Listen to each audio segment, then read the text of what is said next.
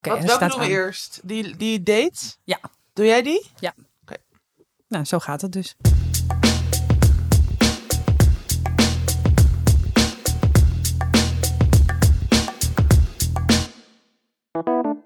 Hello people. This is Between 30 and Dying. My name is Malou Holzhuizen. And with Tatjana Tatjana Almouli. This is the life questions. Volgens mij opeens een podcast helemaal in het Engels zouden opnemen. Inderdaad. Ja, zo Wie weet. heel erg Dolly One Alderton. day. Hey, Oh, ehm, Dolly Alderton. Ja, Dolly Alderton. De levensvragen. We Hallo, zijn er weer. Dat we betekent dat het donderdag is, mocht het je afvragen. Ja, het is donderdag. Eh, eh, we hebben er weer twee. Ja. Ja. Hele goede, mooie, leuke, interessante. Trap ik- jij af? ja, zal ik maar meteen aftrappen? Zal ik er nog een leuke? Ja. Over the place. Lisa, achternaam anoniem graag. Hallo meiden. Ik heb een levensvraag. Ik heb een levensvraag met betrekking op daten. Nu corona voorbij is en we weer de straat op gaan om mensen te ontmoeten, merk ik dat de drempel om iemand aan te spreken of fysiek af te spreken moeilijker is dan hiervoor. Alsof de drempel een meter is verhoogd en ik die eerst nog moet beklimmen.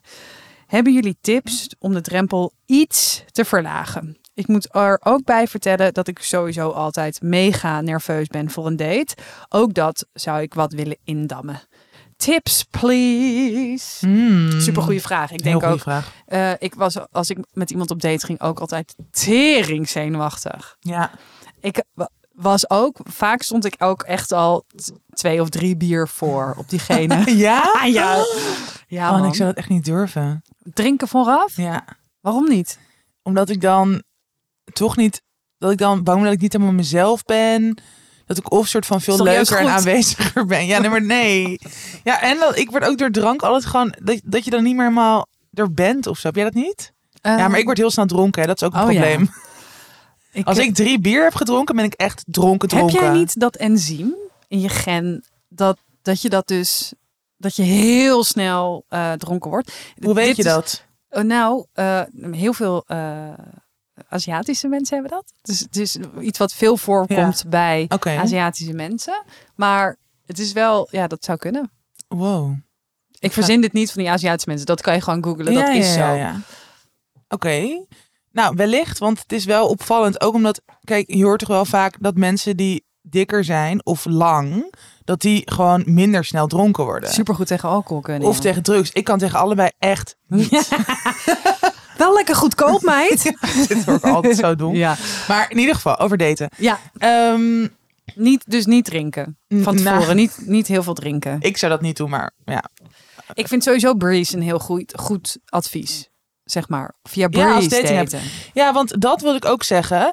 Ik werd vaak zenuwachtig als ik, als er bijvoorbeeld, als je wist van, oh ja, over een week of zo heb ik een date. Ja. En met zo'n app als Breeze, maar natuurlijk ja, ook met andere apps, maar dat, je kan dan natuurlijk, je kan snel afspreken. Je kan op de dag zelf denken, oh, vandaag voel ik me goed. Mhm. Ik zit lekker in mijn vel.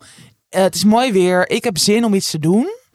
En dan kan je gewoon meteen die avond of de volgende dag met iemand afspreken. Dat verlaagt vaak ook wel de drempel.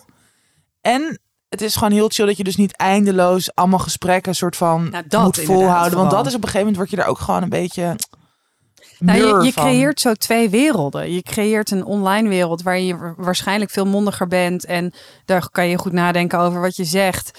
Wat misschien de drempel naar het fysieke afspreken veel, veel groter maakt. Dat is natuurlijk met Breeze zo. Ook als je niet, ik bedoel, je moet een datum prikken. Dus misschien kan die andere helemaal niet dezelfde dag. Maar Ja. als je ook als je over twee weken een date hebt, eh, dan heb je gewoon een date over twee weken. En hoef je er eigenlijk pas op die dag over na te denken Ja. omdat je niet de hele tijd daarover aan het chatten bent. Dus, dus dat zou ik sowieso. Een, nou, dat is gewoon een gratis tip. En ehm, eh, het. Ik vind dat het hele stigma over eh, de verwachtingen van een date, die moeten, die lat moet echt omlaag. Want ik heb ook zo vaak eh, vrienden die dan iets met iemand gaan drinken. En waar, waarin binnen de eerste tien minuten al wordt gezegd. Oh, eh, ik ben niet op zoek naar een hele lange relatie. Of ik ben niet, weet je wel, zo meteen zo Wow. je ijzerpakket op Ja. tafel. Terwijl, wat is er mis met gewoon iets met iemand gaan drinken en het, e- en het wel even zien? Ja. Zonder dat Inderdaad. je binnen 10 minuten, binnen het eerste moment dat je iemand ziet, denkt: nee, Ja. Gewoon probeer dat oordeel. de- gewoon, dit is echt een tip naar de fucking wereld. Ja. Dat oordeel in de eerste 10 minuten, half uur. Dit is iets of dit is niks. Ja. Probeer dat gewoon eventjes. Ja, even te parkeren. Of gewoon even gewoon de eerste keer niet continu. Ja. eh, nou, dat. Ja, ja, ja. Ik denk dat dat echt een goede is. Want dan gaat het ook veel meer over een soort basis menselijk contact. Of Ja. weet je, dat je gewoon inderdaad heel erg die menselijkheid en gewoon... We zijn allemaal mensen, je kan gewoon prima een gesprek voeren. En natuurlijk met sommige mensen heb je meer een klik of voel je je in eerste instantie meer of minder aangetrokken. Maar dat betekent niet dat je meteen inderdaad een soort van lijpe druk erop hoeft te leggen. Mhm. Dus ik denk dat dat. En, maar dat is dus ook voor jezelf qua zenuwen en qua Ja. drempel. Maakt dat het dus ook minder. Dat je gewoon denkt van, oh ja, ik ga gewoon. Ik ga gewoon met iemand een drankje drinken. Of ik ga met iemand, weet ik veel wat doen. En ik zie het wel. ja. Dat je het gewoon veel meer op die manier probeert te benaderen. Waardoor je dan vanzelf ook gewoon, denk ik, iets relaxter wordt. Ja, en ook een date hoeft niet meteen een hele avond eh, met iemand te zijn. Je kan ook gewoon een keertje afspreken met... hey, zullen we daar even een koffietje halen Ja. en samen een rondje lopen? Ja, Dan, dan is het einde ook al bepaald. Namelijk als het rondje is afgelopen, is het afgelopen als de koffie op is. ja. En, En dan voel je vanzelf wel of het smaakt naar meer. ja, En dan kan het of nog diezelfde dag. Weet je, juist de spontaanste dates zijn eigenlijk het leukst. Dat Ja. het helemaal zo uitmondt en dat je opeens een hele dag samen bent. Mhm. Of je weet, oh ja, maar ik wil jou later deze week gewoon zien, want ik wil meer over jou weten. Of Precies. dat. Dus ik denk dat je daar gewoon heel erg in kan experimenteren. En ja. ja, probe- ja, proberen ook in die zin een beetje de lat laag te leggen. ja, dit is een lans voor een lagere lat. Ik heb liever dat je erover struikelt. Zoals mijn lat. Je ligt twee meter onder de grond. Jezus, Maar goed, ik ben gewoon altijd dronken voor een date. Dus ja, hoe je. daar ga je al.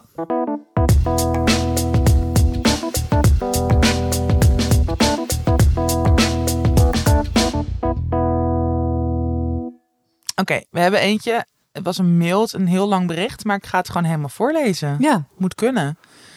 Eerst kwamen heel veel complimenten. ja, le- lees die ook even voor. Lekker, nee. Dag hilarische, hartverwarmende mooiers.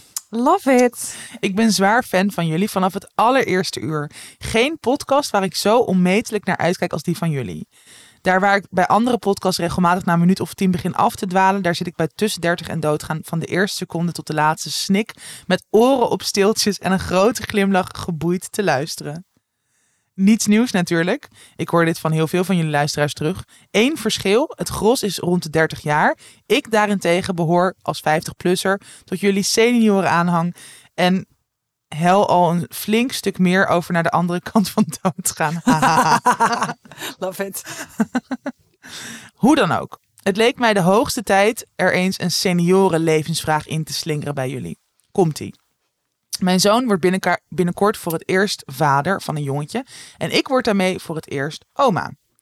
Ik ben 55 jaar, mijn zoon is 32 en, ik ben en hij is helemaal happy met zijn lief en het feit dat ze ouders gaan worden.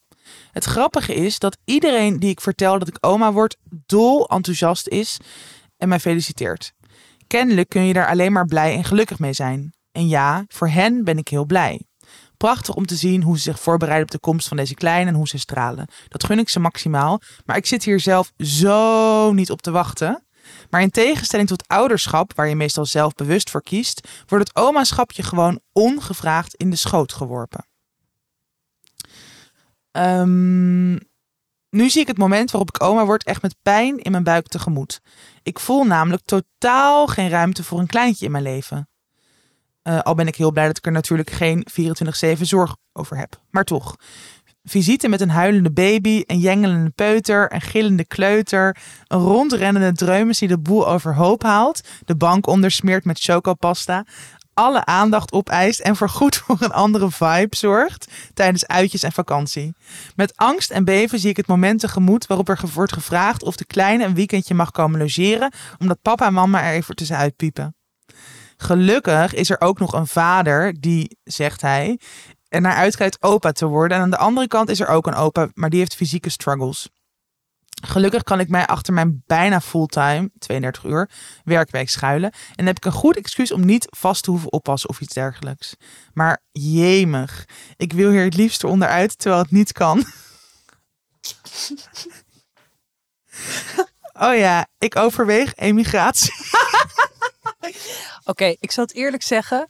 Ik, ik heb een tijdmachine. Ik ben naar de toekomst. En ben ik ge, gereisd. En toen heb ik onze mail gestuurd. ben jij echt. Ik zit gewoon, ik lees hem nu pas voor het eerst helemaal.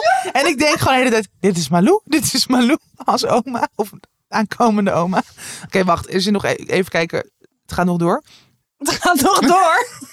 nog meer. Oké, oh ja, ik overweeg emigratie. Hahaha. Nou, niet helemaal, maar eerlijk gezegd lijkt het mij een fantastische oplossing om mijn biezen te pakken en naar Zuid-Spanje te verkassen of zo. Voor mij voelt het haast als een taboe om uit te spreken dat ik als een berg tegen mijn aanstaand omaschap opzie.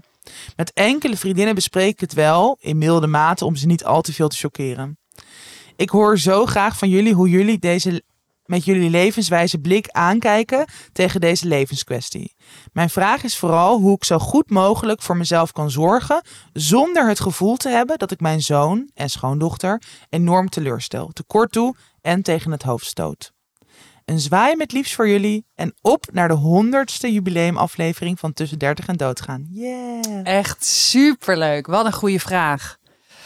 Ehm, Wel lastig, hè? Echt, vind je? Oh, ik vind het helemaal niet lastig. Oké, kom maar door. Nou, kijk, eh, ik ben geen oma.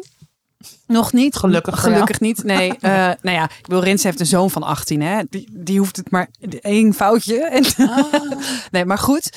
Ehm, eh, ik ben natuurlijk 35ste oma. ja, ik ben natuurlijk wel tante van twee eh, mini-mensen.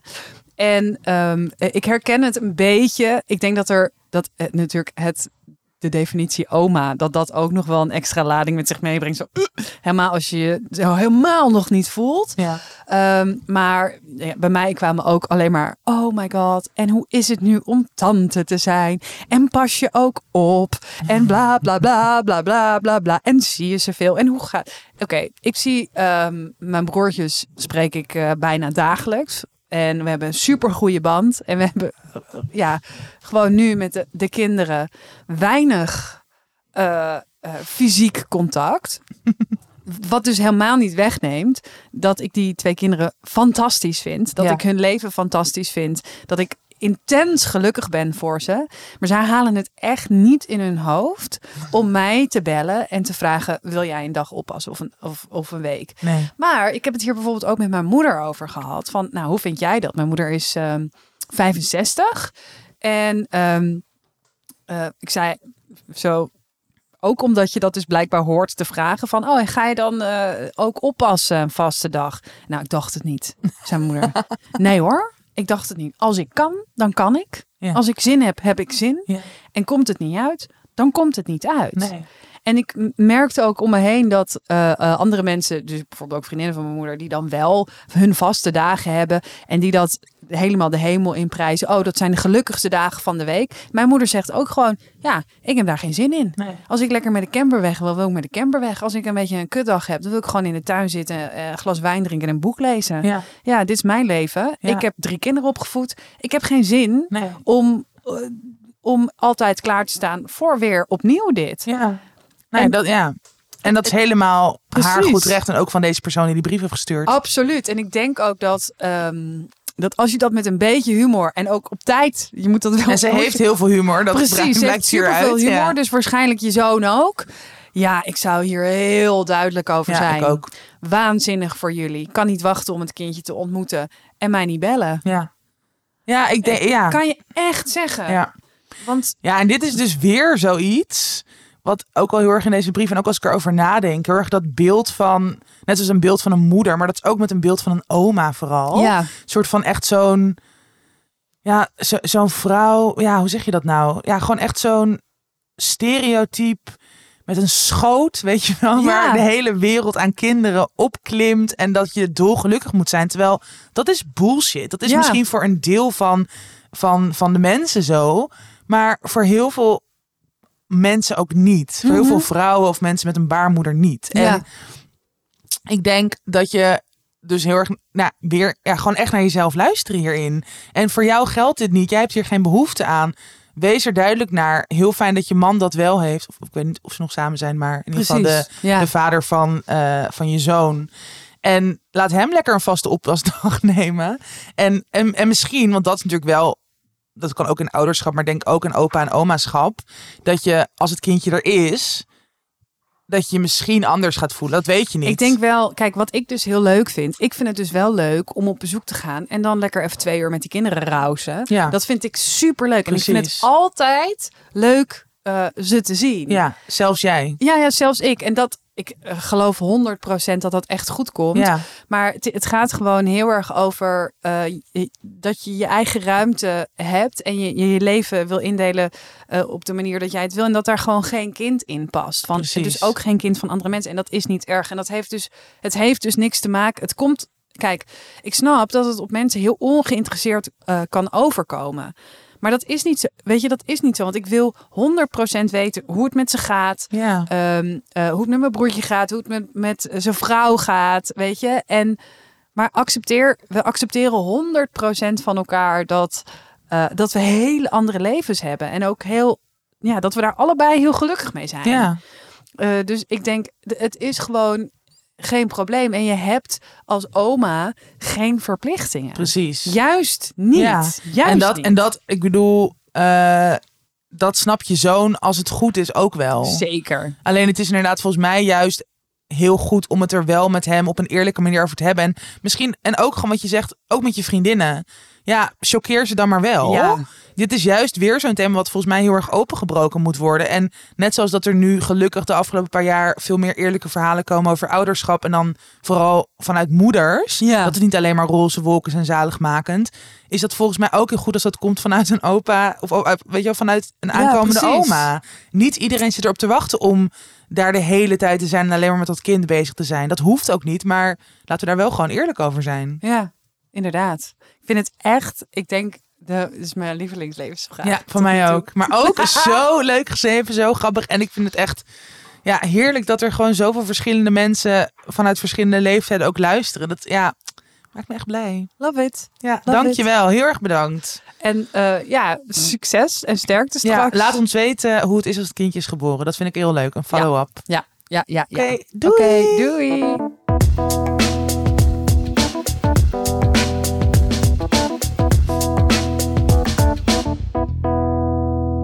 Waren ze. Dit waren ze voor De deze week. Maandag zijn we er weer. Ja, en blijf ze insturen. Tussen 30 en doodgaan at gmail.com of volg ons op Instagram. bye bye. Je kan wel gewoon zien. Doei.